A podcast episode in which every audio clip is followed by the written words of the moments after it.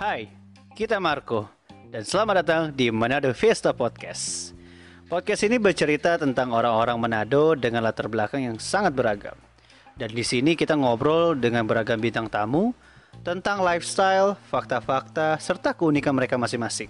Semuanya akan dibahas di Manado Fiesta Podcast, persembahan dari Dinas Pariwisata Pemerintah Kota Manado.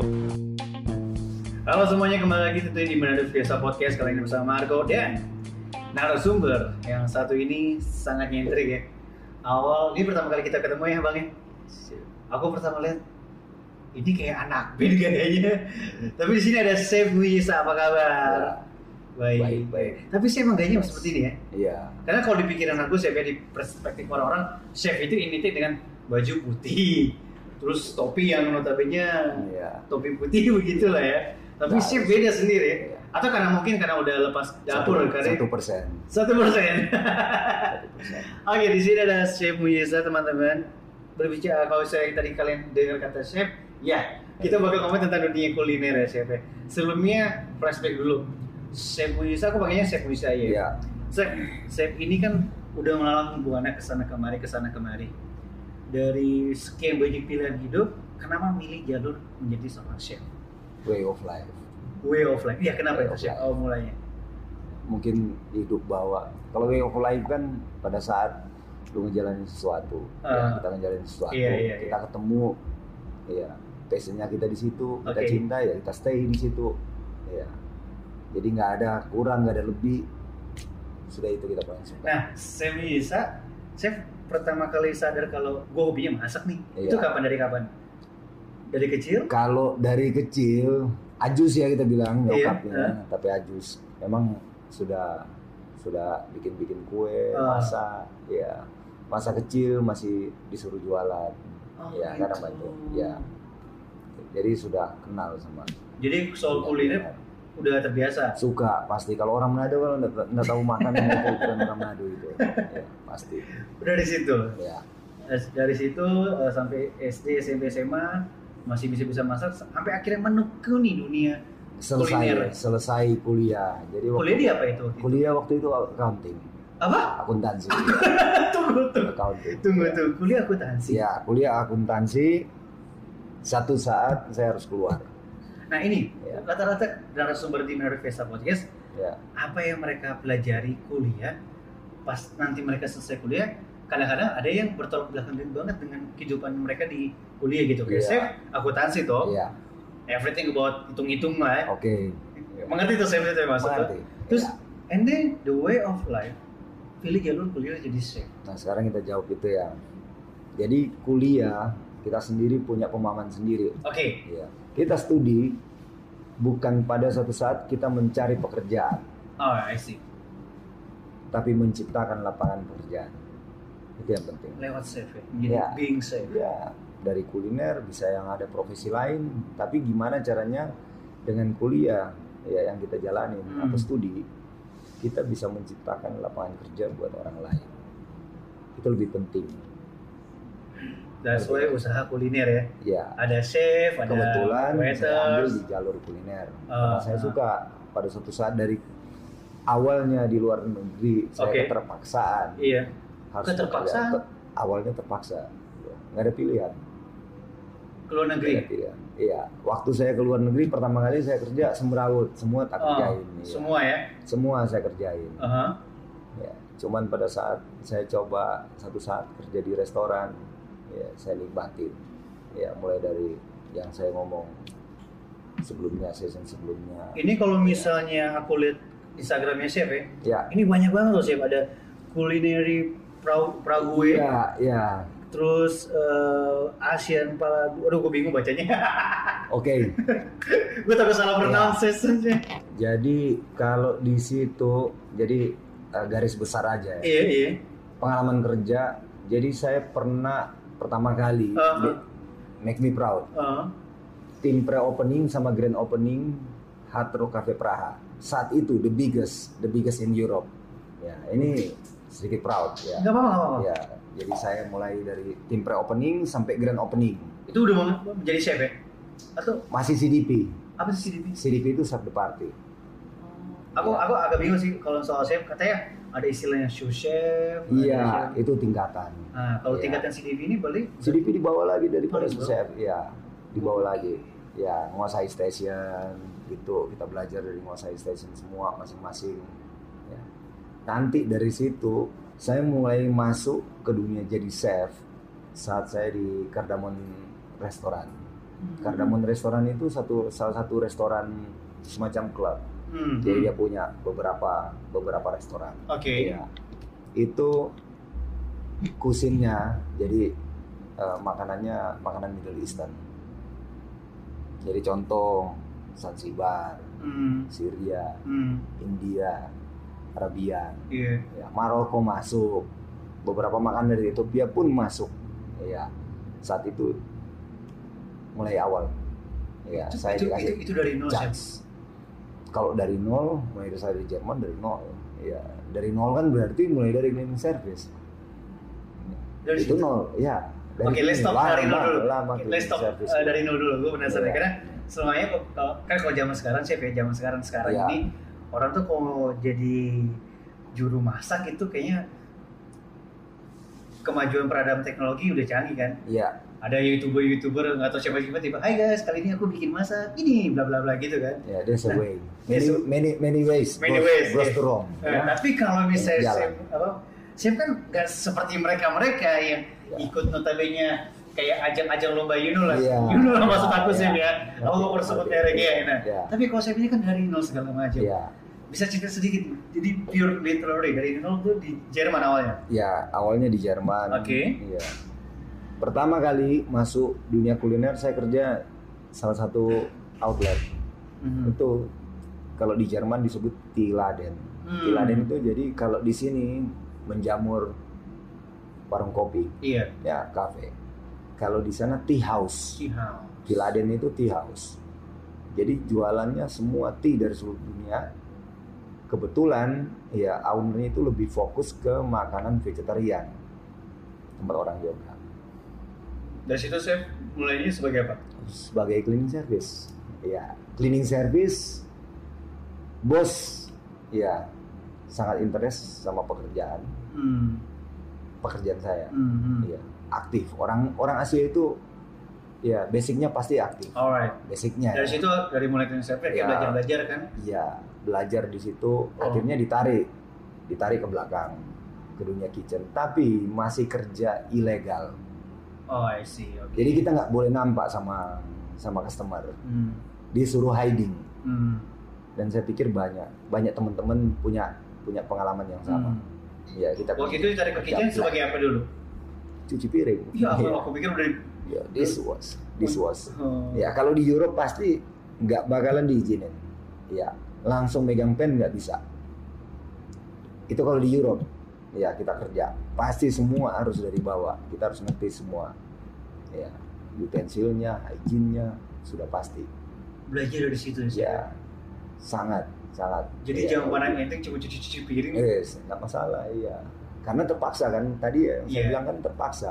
Saya harus kerja kerja buat ngidupin keluarga Eh, hidupin anak apa yang bisa dikerjain berapa lama tuh sih? It's okay Berapa lama tuh sih? saya di Jerman sekitar 3-4 tahun Oke, di, jadi di Suwanya berapa lama? Setahun? di SWOS satu tahunan lah Satu iya tahunan. kan pintar iya kan nggak bodoh-bodoh amat kan tadi kan kuliah Iya, iya, iya. Kuliah, jadi main Nah, aja dari- otak jalan iya. Ini ini ini seru teman-teman. Jadi kayak the way of life being chef nih. Iya. Jadi udah Iya. mulai cleaning service, coba-coba dishwash. Iya. Akhirnya tuh akhirnya megang pen kah? Atau? megang pen Ah. masuk ya masuk tahun ketiga masuk tahun keempat Mhm. Saat- saat pertama saya megang pen Mhm. itu saya kerja lain British lain British pub Oke. ya jadi itu lain British pub tempat semacam sport bar Alright, rugby. alright. Uh, uh, sport bar uh. rugby Masak apa tuh waktu itu? masak western pastinya Hmm. Western. ya jadi di situ saya mulai belajar sama chef saya dilihat Hmm. ya empat bulan saya kerja bagus Akhirnya diangkat jadi Dishwash. sous chef. ditanya saya ditanya bisa masak nggak bisa saya bilang bisa masak apa masak nasi goreng ya Tunggu, Masak- tunggu. coba bikin dulu nasi Tunggu, goreng tunggu. ya. Jadi pada saat Tapi pegang pen itu bukan goreng. masak dong ya? iya Pada saat pegang pen nggak masak gitu maksudnya? Gimana? belum bisa masak Cuma Iya. megang. saya ditanya kan Saya ditanya bisa masak nggak? Bisa. Masak apa? Masak nasi goreng. Ya coba bikin nasi gorengnya. Nah sama chef saya, saya bikin nasi goreng. Oh bisa, kamu mau nggak masuk? Jadi cook helper lah. Cook Jadi dishwashernya diganti sama orang Ukraina. Saya masuk mulai itu, saya bisa bikin mungkin dia punya taste kan. Ah. Kan biasanya kita ngetes juga chef-chef. Oh, iya. Selalu kita ambil orang kalau kita nge-hire orang walaupun dia mungkin pengalamannya kecil, tapi kalau dia punya taste itu penting. Kurang-kurangnya ya dia bisa bisa produktif. Jadi akhirnya Iya, jadi helper ya, untuk- jadi helper. Ya, Dia jadi, jadi helper. helper. Ya, jadi helper ya. Helper tuh sama sous chef sama atau beda? Lu jauh. Si Iya. chef kan sebelum jadi chef kan susah. Asli seru gini. Gitu.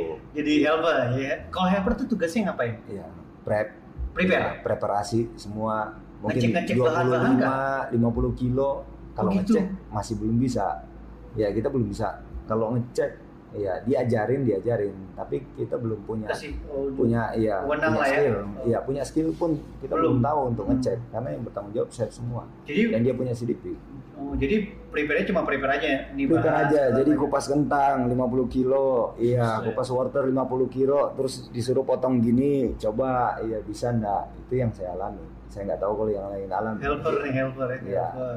Tapi sudah nggak masuk lagi ke dishwasher. Iya jelas dong. Naik pangkat lah, Iya, pangkat kecil. desk-nya memang udah Iya. helper lu, gak usah cuci-cuci piring Iya, lagi kasarnya. pangkat kecil. iya. And then preparation. Uh, preparation. Iya. Habis itu, Habis eh, itu baru berapa lama tuh? Chef, berapa lama chef? Lupa, lama. Lama sih. tahun, iya, lumayan. Satu, Cuma mau- tahun. Kupas-kupas begini. Iya, lewatin. Karena saya nggak punya school, school kuliner. Saya nggak punya basic, basic kuliner.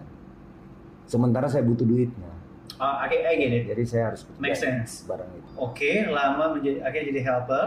Ya. Habis itu diangkat lagi. Setelah itu dari Lion British, saya dipanggil, dipanggil kerja di Indonesia Restoran. Oh, Namanya balik ke Sate. Indonesia. Iya, Indonesia Restoran. Jadi Oh. dia dia Oh di Jerman tapi Indonesia restoran atau? bukan, itu sudah di Praha. Saya pindah ke Praha. Oh, Saya pindah ke Praha karena Ah. keluarga. Pindah ke Praha karena keluarga, saya nyari pekerjaan. Awalnya saya masuk lagi ke dunia kerjaan lain. Saya jualan, Apa itu? jualan merch, barang-barang. Ya, jadi kayak keramiknya Ceko. Oh, iya, ya. iya, Terus iya. saya bikin logam, belajar Oke, bikin oke. bikin koin di Ceko banyak. Terus ada kawan Indonesia yang nawarin saya, mau nggak kerja di Indonesia restoran? Kan lu punya basic, tuh masak. Yo, bilang, pulang ke Indonesia. enggak, Indonesia restoran. Oh di sana. Oh Indonesia Indonesia restoran. Indonesia restoran. Oh Ya. iya iya. Saya kerjalah di sana. Namanya Indonesia restoran itu, itu Indonesia restoran pertama Yang ada di di kota Praha. Itu kedua, restoran kedua Indonesia di Europe sesudah tutup Berlin. hmm, Nama restoran itu Sate. sate. Sate. Sate. Iya, dari tahun 50, 60s, 60-an. Ya, kalau nggak Nah, salah. kerja di di Indonesia apa Indonesia Saat restoran? itu malah saya ke bar. Oh. Saya kerja di bar. Bikin minuman, bartender. Ya, bikin minuman, bikin kopi. Chefnya ada orang Ceko. Saya pegang barnya. Masak masak Indonesia. Masak, masak Indonesia. Masakan Indonesia. Masak orang Indonesia Ceko sama itu. masak Ceko. Oke. Iya, karena kan di Ceko tidak semua makan makanan Indonesia. Ah, ah.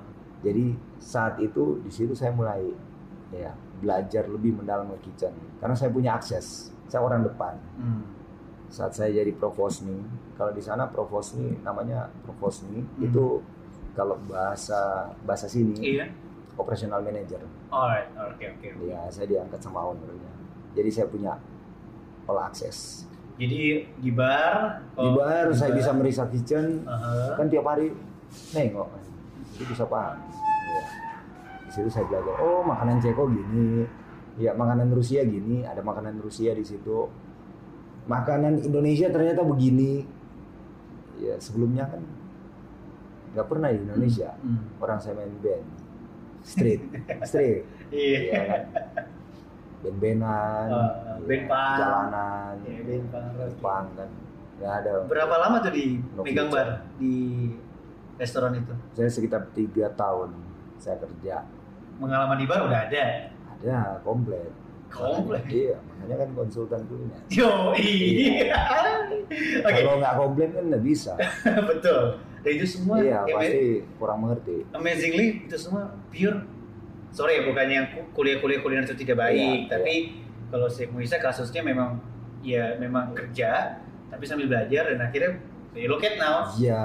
Pengetahuannya mulai dari autodidak. Nah itu autodidak terus gue masuk. Satu saat saya punya chance masuk ke namanya kulinaria Praha. Hmm. kulinaria Praha itu yang bekerja di situ itu adalah chef jadi kita nggak punya menu ala carte atau ala carte.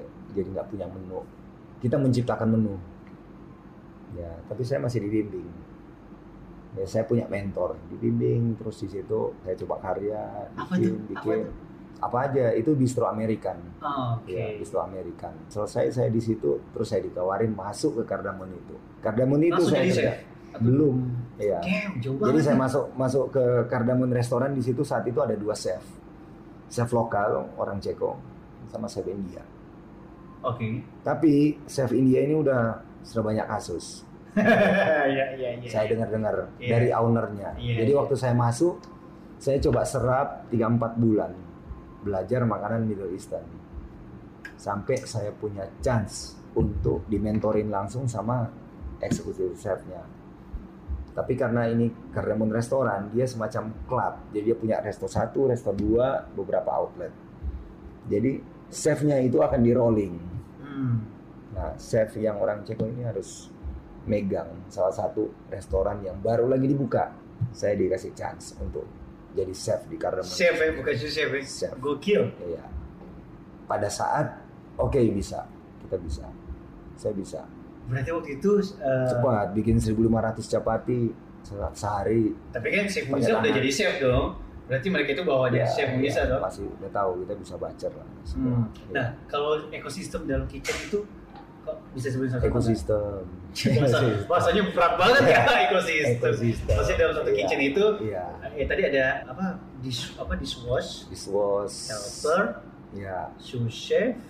Ah, oke. Kalau ini saya jelasin aja secara general. Iya, apa-apa. Ininya. Jadi kalau ada sistem Amerikan, sistem Amerikan. Oh, beda saat- ya? Ya, beda. Amerikan sama Europe. Ya, Oh. Europe kan dia punya sistem sendiri. Ah, Oke oke.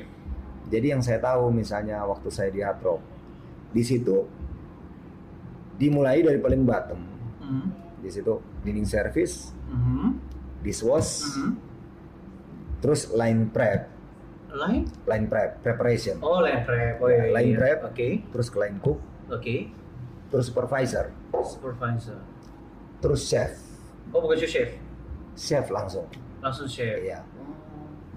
Line cook, line prep itu bisa disebut di Amerika brigada. Hmm. Kalau nggak saya nggak salah ya disebut brigada. Itu sistemnya dia. Tapi waktu saya sempat kerja di Budabara Hotel Praha itu di situ saya tahu bahwa level chef itu panjang. Mulai dari bottom dia masuk sebelum dia masuk ke CDP dia masuk ke komis masuklah dia ke CDP 1, 2, 3, 5 mulai dari 5 sampai 1 naik demi terus chef terus sampai bisa jadi chef ada lagi eksekutif chefnya kalau hotel jadi depends kita kerja di mana di hotel atau di restoran.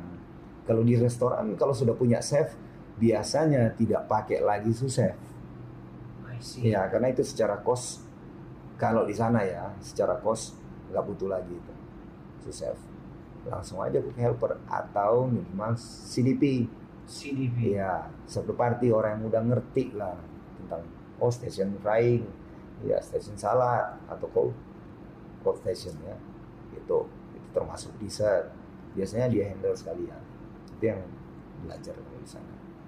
Chef, aku ngebayanginnya dari prosesnya panjang pasti ada tekanannya dong. Oh, gila tekanan. Eh, tekanan dong chef. Iya benar. Kenapa ngomong gini? Ya. Kebayang? Ya chef tau lah. Iya. Eh nggak apa-apa apa. Apa?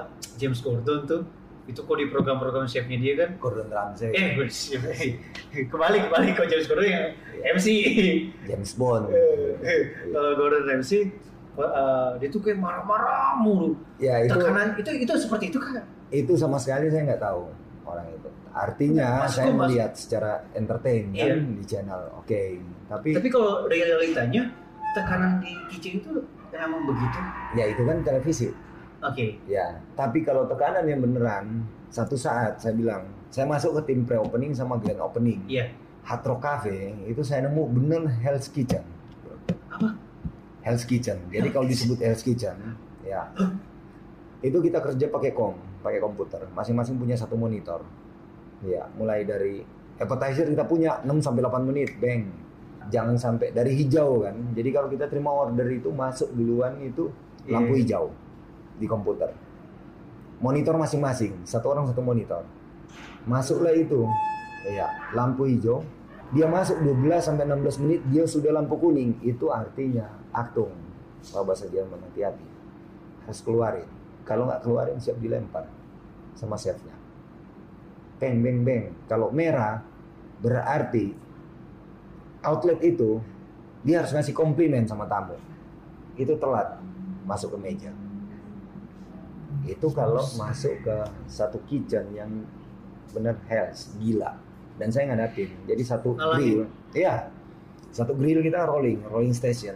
Jadi saya pegang misalnya empat bulan nih, empat bulan lu megang frying, frying station.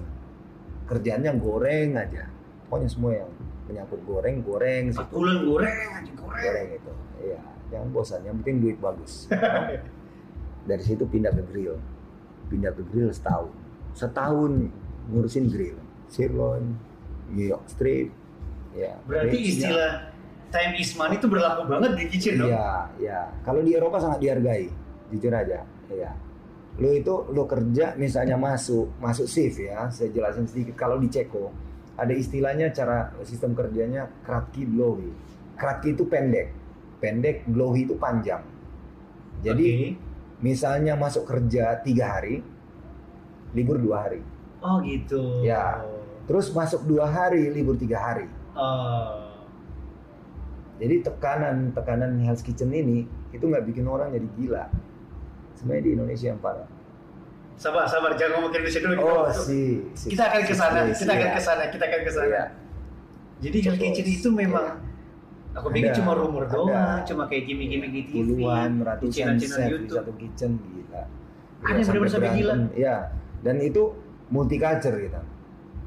Ada yang dari Oh iya. mungkin areal Afrikan, ada dari Kuba, ada dari Rusia, ya, ada dari England, Jerman, campur multicultural karena international company.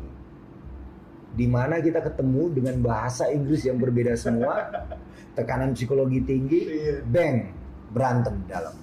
Bisa Sudah, iya, mengangkat pisau semua. Bener serius, itu itu parah itu. Hektik itu- sekali bukan Chef. Ya, parah. Hektik sekali. Tapi kalau pasti kalau kalau kerjaan kitchen hektik karena panas dingin panas dingin iya kan ke grill bisa berapa ratus derajat. Tiba-tiba balik belakang buka chiller sedikit cold. Buka freezer dingin. Udah minus. Itu baru balik lagi. ibaratnya Dan pengaruh ke psikologi orang ya. ya satu step dari psycho. Ya kerjaan psycho itu. Tapi tapi itu pasti kitchen pas kelar udah udah kelar jam pulang mungkin udah reda ya mungkin ya gitu. semua dia terang Iya, Gather is the, Iya. the good solution. Ceko itu. Saya ngalamin ngalamin dan itu memang semua rata-rata orang kitchen saya tahunya begitu. Rata-rata yang di sana saya nggak tahu kalau di sini ngalaminnya apa. Nah, Ya, kalau kalau kita pengen kreatif dalam dunia kuliner itu nanti harus kita menjadi chef? Atau kalau misalnya jadi sebenarnya helper jangan coba-coba jadi kreatif lu. Bro. sebenarnya itu yang balik lagi. Kita punya passion di situ nggak? Kita cinta itu kerjaan nggak? Artinya kalau kita nggak cinta itu kerjaan jangan kerjain Hmm. jangan ya. Chef, nggak ini- bakalan jadi Chef, it might be a stupid question. iya Pernah nggak berpikir makanan-makanan Eropa sana atau Amerika tuh makanannya kecil-kecil banget kalau di piring, tapi mahal terus makan juga nggak kenyang gitu. Iya. Pernah mikir gak sih kayak gitu? Aku mikirnya gitu. itu itu penglihatan orang awam Iya. ya kalau kita masuk mungkin di kelas dining restoran Ah, oke ah. tapi di sana kan restoran ada banyak jenis ada jadi ini kalau di dunia kuliner jadi ada resto atau restoran ada kafe ada kafetaria Hmm. ada lagi eatery pernah dengar eatery Aku baru denger ini.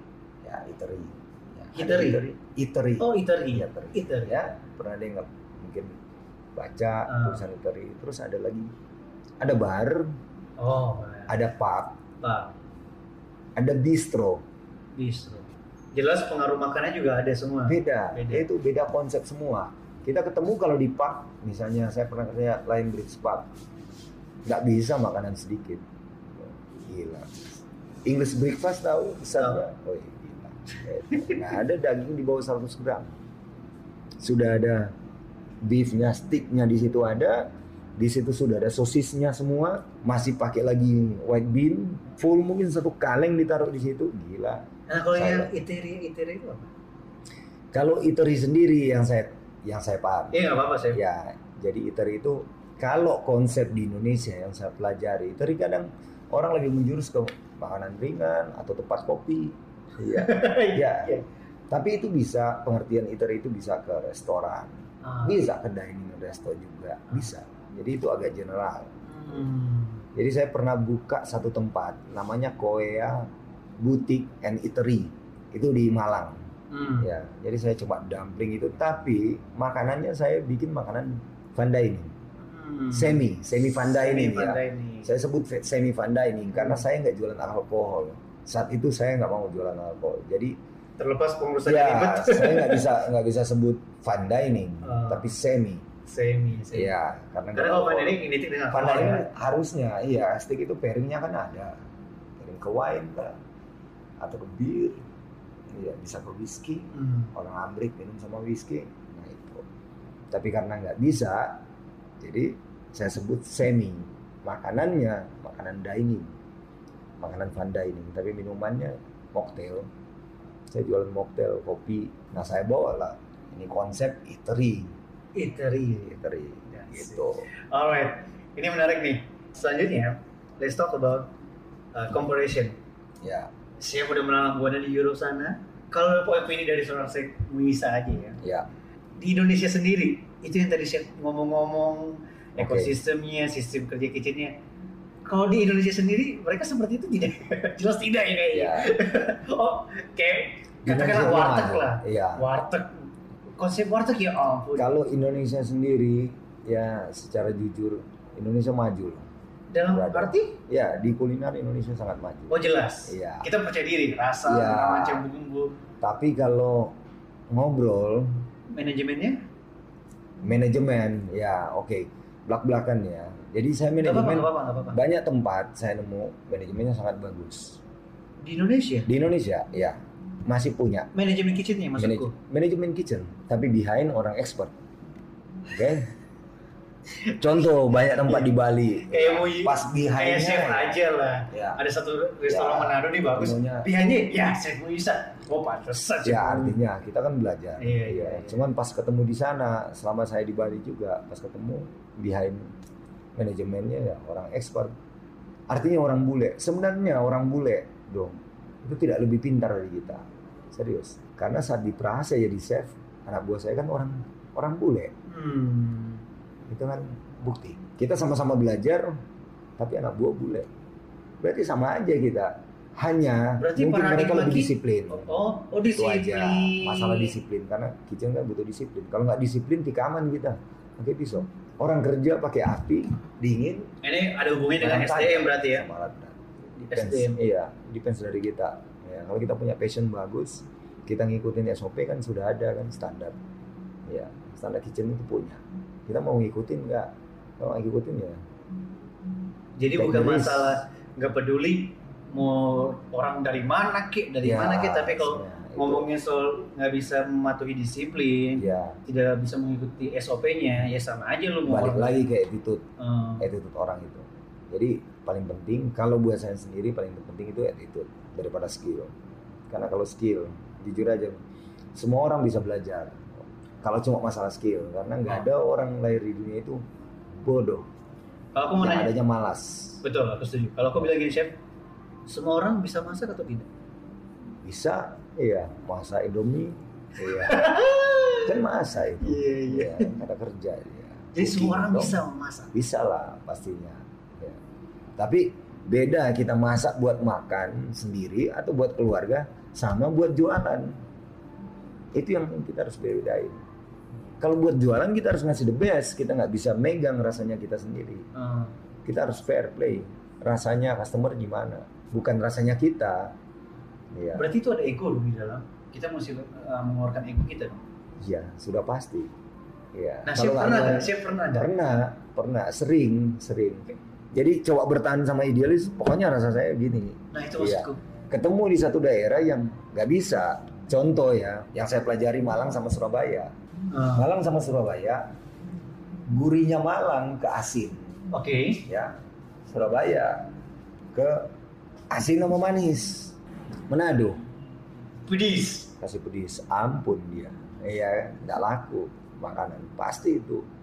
Ya terus sekarang kalau jualan bisnis or not, bisnis mau bangkrut nggak?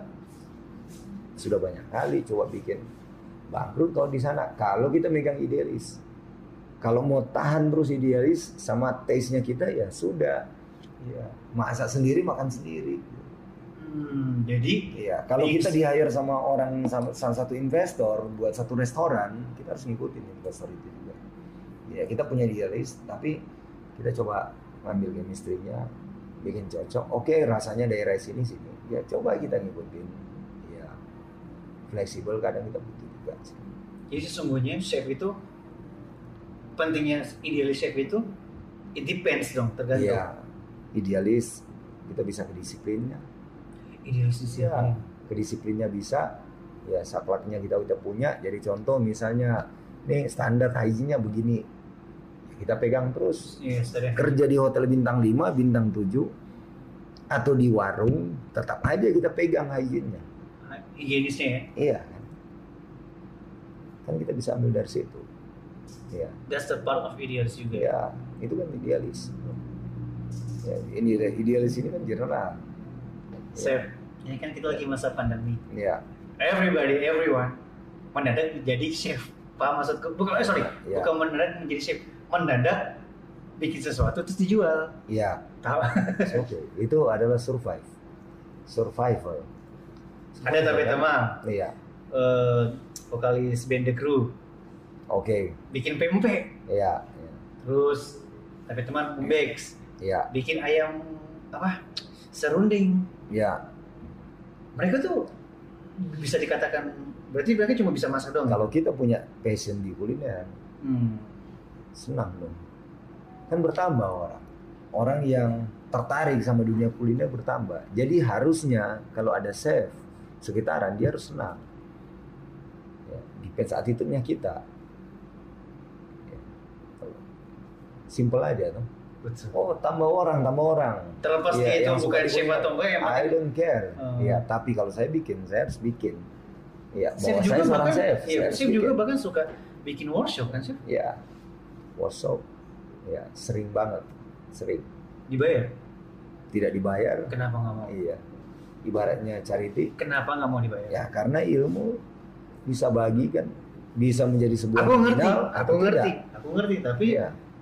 Ilmu kan aduh gimana ya aku mau coba cari bahasa yang halus Sekarang kalau kita misalnya kayak chef ini kan udah iya. punya ilmu banyak banget Iya. nih kalaupun ada orang mau belajar dan ngebayar chef nggak masalah dong Ya, kalau dibayar syukur. Gak dibayar juga tuh thanks. Iya, simple. Karena sering, kita sering bantu anak. let's talk about dunia bisnisnya dalam sebuah kuliner Oke, kalau semua orang tiba-tiba menjadi chef chef takut mata pencariannya hilang atau lah. malah seneng enggak lah. Itu kan rezeki dari atas. Ya, lebih bagus malah kan sama kayak statement tadi. Lebih bagus. Semakin banyak orang suka dunia kuliner kan semakin bagus. Berarti dunia kuliner makin berkembang. Lama-lama banyak orang itu mengerti. Mengerti dunia kuliner bakal dia bakal menghargai. Kalau cuma sedikit orang yang mengerti kuliner, banyak bro. Kita kerja, kita kerja ya. Saya udah bikin bagus-bagus. Oh cuma segini. kok. oh iya Nah, yang paling coba fillet dari bacer itu. Mau fillet itu dari satu loaf iya itu. Fragmen ya. Mau bikin tepat ke 100 gram itu udah susah harus keluarin dulu. Segininya keluarin. Dia nggak hargai, dia cuma tengok pas barang sudah jadi. Pas barang sudah jadi dia makan. Oh, gampang bikinnya. Pak, iya. Tapi kan itu tipikal orang-orang manusia. orang-orang Iya. plus 62 kan begitu sih. Oh, plus. Iya, Iya, iya. iya kan? Makanya kan kita Ah, ngomong cuma plus- begitu doang gue Iya. juga bisa. Plus 62 ya. Ajus-ajusan. Alah, eh kok cuma begini, begini, begini. Ya, dia punya ideal sendiri loh. Ya kita harus menghargai. Perbedaan kan kebahagiaan. Ya, Simple. Kan dari pang. Iya, iya, iya. Ah, ini menarik banget. Ya, Ngomong sama Simple, Muisa ini. Nah, tadi saya bilang uh, being chef is way of life. Iya. Uh, jadi ini uh, ya udah this is ya jalan hidupnya chef Muisa kan. Tapi sesungguhnya arti jadi seorang chef itu apa? Sesungguhnya. Ya way of life, jalan hidup. Kalau orang jalan hidup, jalan hidup. Kalau orang- Iya, iya, beda sama lifestyle. hmm, Lifestyle beda lagi pengertian sama way of life, jalan hidup. Mungkin adakah tanggung jawab dari seorang chef Apa maksudnya? dalam satu restoran Iya, makanan ini nggak enak nih tanggung jawabnya itu apa apa di chef apa apa di chef iya. apa itu peran penting chef Ya sering. Iya, kalau ketemu situasi begitu ya kalau seorang chef ya dia harus nemuin itu si customer. Dia jelasin alasannya kenapa nggak enak. Lidah orang kan beda. Psikologik beda. Saya bikin makanan bagus. Kalau bro-nya datang sudah dalam keadaan nggak enak, berantem. oh. Berantem sama tua, pasti makanan itu nggak enak. Tetap aja. Iya, terus siapa yang disalahin? Chefnya? Nggak bisa. Kan kita punya standar, punya gramasi. Ini nah itu maksudku itu maksudku. Jadi Iya, kenapa selalu apa apa kalau di restoran siapa yang masak nih? Iya. oh lu? Apa nih masakan lu? Ya hadapin asal chef. Nah sering kita ketemu di restoran dia ini bukan chef. Asep sering. Asisten chef. Asep asepan ya maaf yang lain. Maksudnya tetap saya menghargai orang yang yang masuk ke dunia kuliner. Tapi Ya, kayaknya di tapi kan Indonesia nggak ya. seperti itu ya chef ya. Mungkin di luar sana di Europe mungkin Ya. berpengaruh. Kalau di Ada Indonesia kan ya itu. kebaikannya Tapi orang Indonesia ya. kurang asin sudah makan juga ya manusia kan? Ya, kan bilang tadi plus 62 iya plus dulu Ya, begitu jadi ya kita legowo. Lagu orang Jawa bilang legowo aja. Udah, kita jalanin yang penting kita pertahankan idealisnya kita. ini saya coba berusaha bikin makanan sesuai yang saya pelajari ya di dunia kuliner. Selalu kalau bikin satu produk buat orang lain buatlah yang terbaik. Bukan terbaik juga buat kita terbaik buat orang itu kasih yang terbaik. Itu aja simple. Hmm. kita nggak boleh iya jadi masak kayaknya kita buat kita makan nggak bisa jangan jualan kalau begitu. Kalau mau jualan kasih the best. Jadi maksud chef kalau lu mau jualan nih lu mesti bikin makanan yang kayak gini. Ya. Kalau misalnya lu Ada. buat lu sendiri terserah lu mau bikin pedes banget Ya. kek, mau bikin asin banget itu sok atuh. Iya tapi kalau untuk jualan ya lu mesti mikir. Iya ada orang yang nggak bisa makan pedas ada orang yang bisa makan ya dan itu kan punya standar. Ah. ya punya standar. Mungkin sesuai kulturnya yang saya bilang tadi kalau di beberapa tanah Jawa ini eh, gurihnya ke sini gurihnya ke sini. Kalau kita mungkin gurihnya ke pedas. Yang ngikutin. Kalau ngomongin soal nasional kan saya udah melakukan Iya, ya. iya. Eh, orang itu Indonesia Asia Tenggara itu mayoritas sama nggak sama kayak di Asia negara-negara Asia? Taste-nya? Sama aja sebenarnya. Ya jadi misalnya yang saya pelajari ya Indonesia Malaysia kita punya rendang Malaysia juga punya rendang. Hah? ya punya rendang Malaysia juga punya rendang ayam rica saya nemu juga di Belanda juga ada ayam rica kok. Mungkin orang Indonesia yang bikin. Ya. jadi makanan ini so general bro. Mulai dari kolonial kan ke bawa ke sana kemari kan DP rempah berarti kalau misalnya biasa-biasanya ada berita nih Malaysia mengklaim rendang dari Malaysia. Iya. berarti bagi si Malaysia iya. biasa aja memang dulu so ada dari Iya, kan siapa yang bisa yang bisa garans punya ini punya itu, Iya kan? karena selagi makan itu universal Iya, general universal. Jadi saya nggak pernah care. oke itu Iya. mungkin Asia Saya belajar di satu negara, oh ini makanannya dia. Kalau waktu saya di Ceko ya, saya di Ceko, saya di Jerman, saya belajar makanan. nah kalau di Eropa itu makanannya lebih ke mana kalau Indonesia kan Asia kan Yang pastinya, pastinya ini makanan sebenarnya sentralnya satu, sama aja. Banyak rempah-rempah dari Asia. oh gitu banyak rempah-rempah dari Asia kebanyakan ya di French pun banyak rempah-rempah Asia pakai rempah-rempah Asia. Gitu. Mungkin itu kan historinya kan dulu kan kolonial. Bawa ke sana ngambil rempah-rempah dari kita bawa ke sana. Tapi mereka mungkin lebih smart zaman itu mereka kolonial. Ya mereka lebih smart mereka bisa lebih modern ya. Mereka bisa nyiptain resepis yang bagus secara internasional. Hmm. saya kasih contoh, ada satu satu cerita produk burger, ya. Saya bisa pertanggungjawabkan ini. Burger asal usulnya dari mana sih burger? Iya, aku coba. taunya ya Amerika karena dari nonton-nonton film-film film. kan Iya. Nonton film Hollywood selalu Ya, ini kan Amerika. oh, kebanyakan, kebanyakan ngomong gitu. Ayo, film Amerika. kan? Padahal pencipta burger pertama orang Belgia, Hah? orang Belgium. Nah itu saya pelajari historinya waktu saya masih di Hatro Cafe. Kita punya produk knowledge, Hatro Cafe Internasional. Ya, Burger dari Belgia. orang Belgia pertama kali ciptain burger. Oh gitu. Ya itu harus paham. Jadi banyak hal, banyak hal yang kita nggak ngerti. Iya. Iya, Pantas tadi saya bilang, ya kalau makan itu general bro. iya, iya pasti. Gak ada yang bisa menggaransi. Iya. Orang kita punya dabu-dabu, Meksiko punya salsa, apa beda? Iya kan? Tapi onion tomat. Dia punya onion, kita punya bawang merah. Dia punya tomat, kita punya tomat.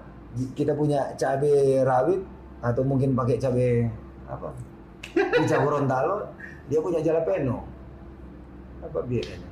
Sama aja, cuma mungkin materialnya yang beda kan. Tapi sama kan, resipi itu kan sama. Dia mesin jeruk, dia mesin jeruk, salsa mereka sendiri ada ya pico de gallo dia cuma tambahin mungkin avocado Damn. materialnya sama sama kayak kita ya jadi mungkin satu urat apa gimana Karena pada aja. dasarnya makanan tuh ya ya mungkin ini karena karena ini bro, Kultur pengaruh nggak sih, zaman Bang? kolonial kan zaman kolonial dibawa ke sana kemari. Kayak saya pelajar pernah pernah ya pelajari sedikit lupa sekilas tentang kopi pun. Oke. kopi arabica. Dari mana? Dari Indonesia. Baru namanya aja arabica. Ya Arab. ya. Iya. Arabica Arab. be. Iya kan? Coba. Ya tanya ke barista mungkin. Iya. Bener enggak kan ada asal usulnya sama nama itu. Kalau daun jadi itu kayaknya pure Manado ya. Manado di Jawa ada bro. Tapi nggak dimakan. Ya problemnya di situ.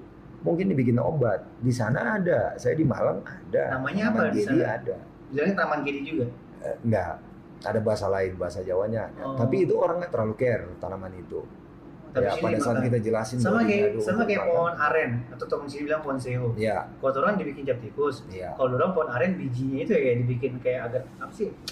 ya mungkin Apa ya, kayak kolak kayak apa gitu. ya kurang pelajari itu Tapi aku ngeliatnya begitu. ya Kalau ngomongin soal makanan bukan masalah siapa yang paling jago masak tapi lebih ke ya pengetahuan ke knowledge kayaknya ya. kita ngikutin juga sama kearifan lokal kan Hmm. setiap daerah dia punya keperluan kalau di sini mungkin kayak bikin eh, di Jawa ya bikin apa namanya ini rawon. Ah, dia pakai keluak kan. Apa sih keluak? Kalau nggak salah kan itu pangi. Iya, biji pangi. iya kan? Nah kalau misalnya kita pakai di sini kita banyak daunnya di sana. Susah nyari daun pangi.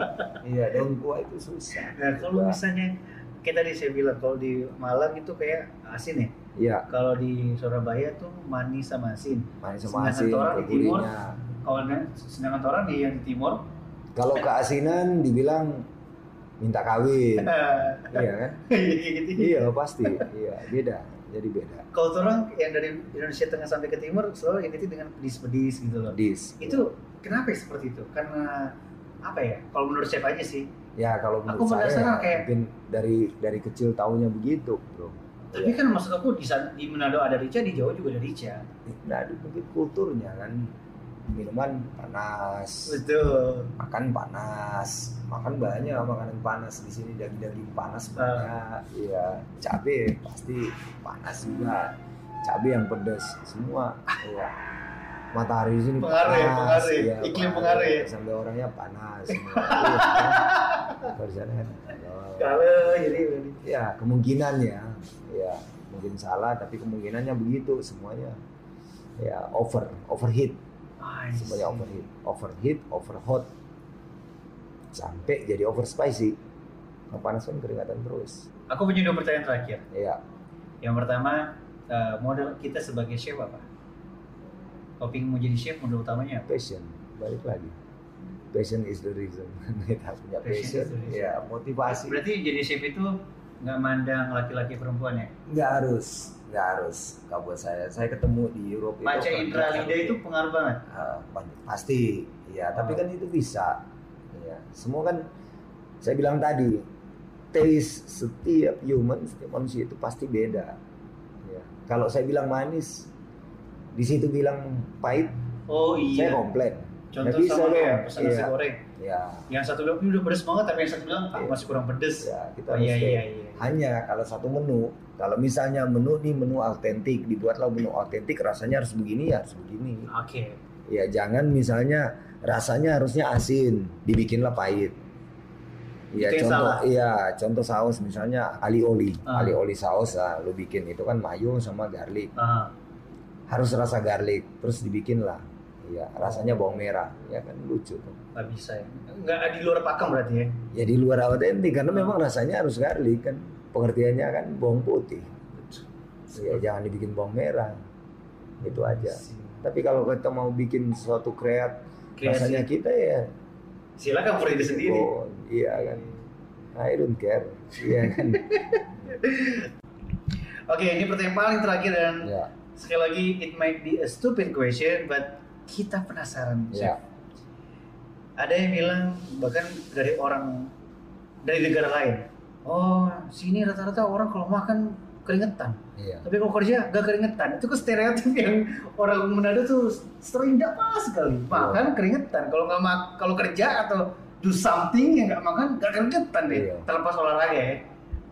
Soal itu chef kali gimana? capek Kalau Iya. soal itu pandangan chef gimana? capek habisin Capek habisin. iya kan kan di sini makan banyak capek dihabisin Bukan karena makannya pedas, sana makannya manis ya enggak ya? Iya pasti. Kalau pedas pasti efeknya ke situ. Biasanya kan. Hmm. Efek metabolis kan ke situ kan. Kita ngeluarin karena panas berlebihan kalau di badan ya pasti dia keluarin. Hmm. Ya mungkin ada bentuk keringat karena hot. Kalau kita ngalamin hot kan hot temperatur pasti kan keluar semua itu. Ya keringat. Nah kalau di Ya, sana tuh di di, di, di Europe makan pedas Ya keringetan. kalau makan musim dingin yang saya bilang tadi makan musim dingin minus 30 keluar enggak? Nggak bakalan keluar. Sepedas apa pun tuh tetap makan. aja itu cuma tahan di situ pedas pedas iya tapi keringat nggak bisa keluar kan Oh, kan itu tempo sama dingin pengaruh iklim berarti. ya waktu saya pernah ngalamin soalnya Pernah sih pernah ngalamin jadi anak pertama saya itu minus 25 makan pedas. ya makan pedas bukan makan pedas aja sampai alkohol yang pedas ya sambuka kan pedas kan bumba ya, Cuma panas di dalam dong berarti. ya? panas dalam tapi nggak keluar di sini Iya. bibir pecah-pecah nah kalau saat itu ada apa namanya komiks atau apa Eh, yang ngatasin Uh, panas dalam uh, bibir pecah-pecah Ada sehari lah nggak salah. adem sari nggak mungkin bisa cuman saat itu nggak ada kalau dijual di sana Oke. itu. Akhirnya terjawab juga ini stereotip orang-orang ya. Iya, Kalau makan keringetan, iya. kalau kerja nggak keringetan. Ternyata ya. iya beda kerja sama makan kan beda iya Tapi kalau menurut aku ya kalau makan nggak keringetan kayak kurang gitu, apalagi makan pedes. iya. Kalau nggak keringetan kayak ada yang kurang. nah berarti kalau kerja terus nggak keringatan kurang. Iya berarti kerjanya kurang. Berarti kurang kerja ya, kurang giat Simpel berarti. aja kan ke situ kan. Iya jawaban Keren banget Chef. So once again, Chef makasih banyak ya ini Chef, banyak ilmu. Eh tapi kalau misalnya ada orang pengen belajar how to be chef, bisa. Bisa. Nggak tahu tuh bisa tapi kalau mau belajar kuliner apa yang saya tahu? Konsultasi. ya. Entah ada tiba-tiba ada yang mau buka restoran, bisa ya. Harga nego ya. ya. Bisa masuk masuk masuk aja ya. masuk sama banyak Alright, so once again teman-teman kalau misalnya kalian penasaran dengan Chef Muisa langsung aja di Instagramnya di @chef Muisa ya. ya Itu masih aktif ya Instagramnya? aktif Masih aktif. So terima kasih banyak Chef ya. Makasih Udah banyak, ya. kita sita waktunya ini. Oke. Thank Ya. you so much ya udah mau berbagi dan akhir kata tapi nama Marco. bisa Kita jumpa di next episode. Bye bye.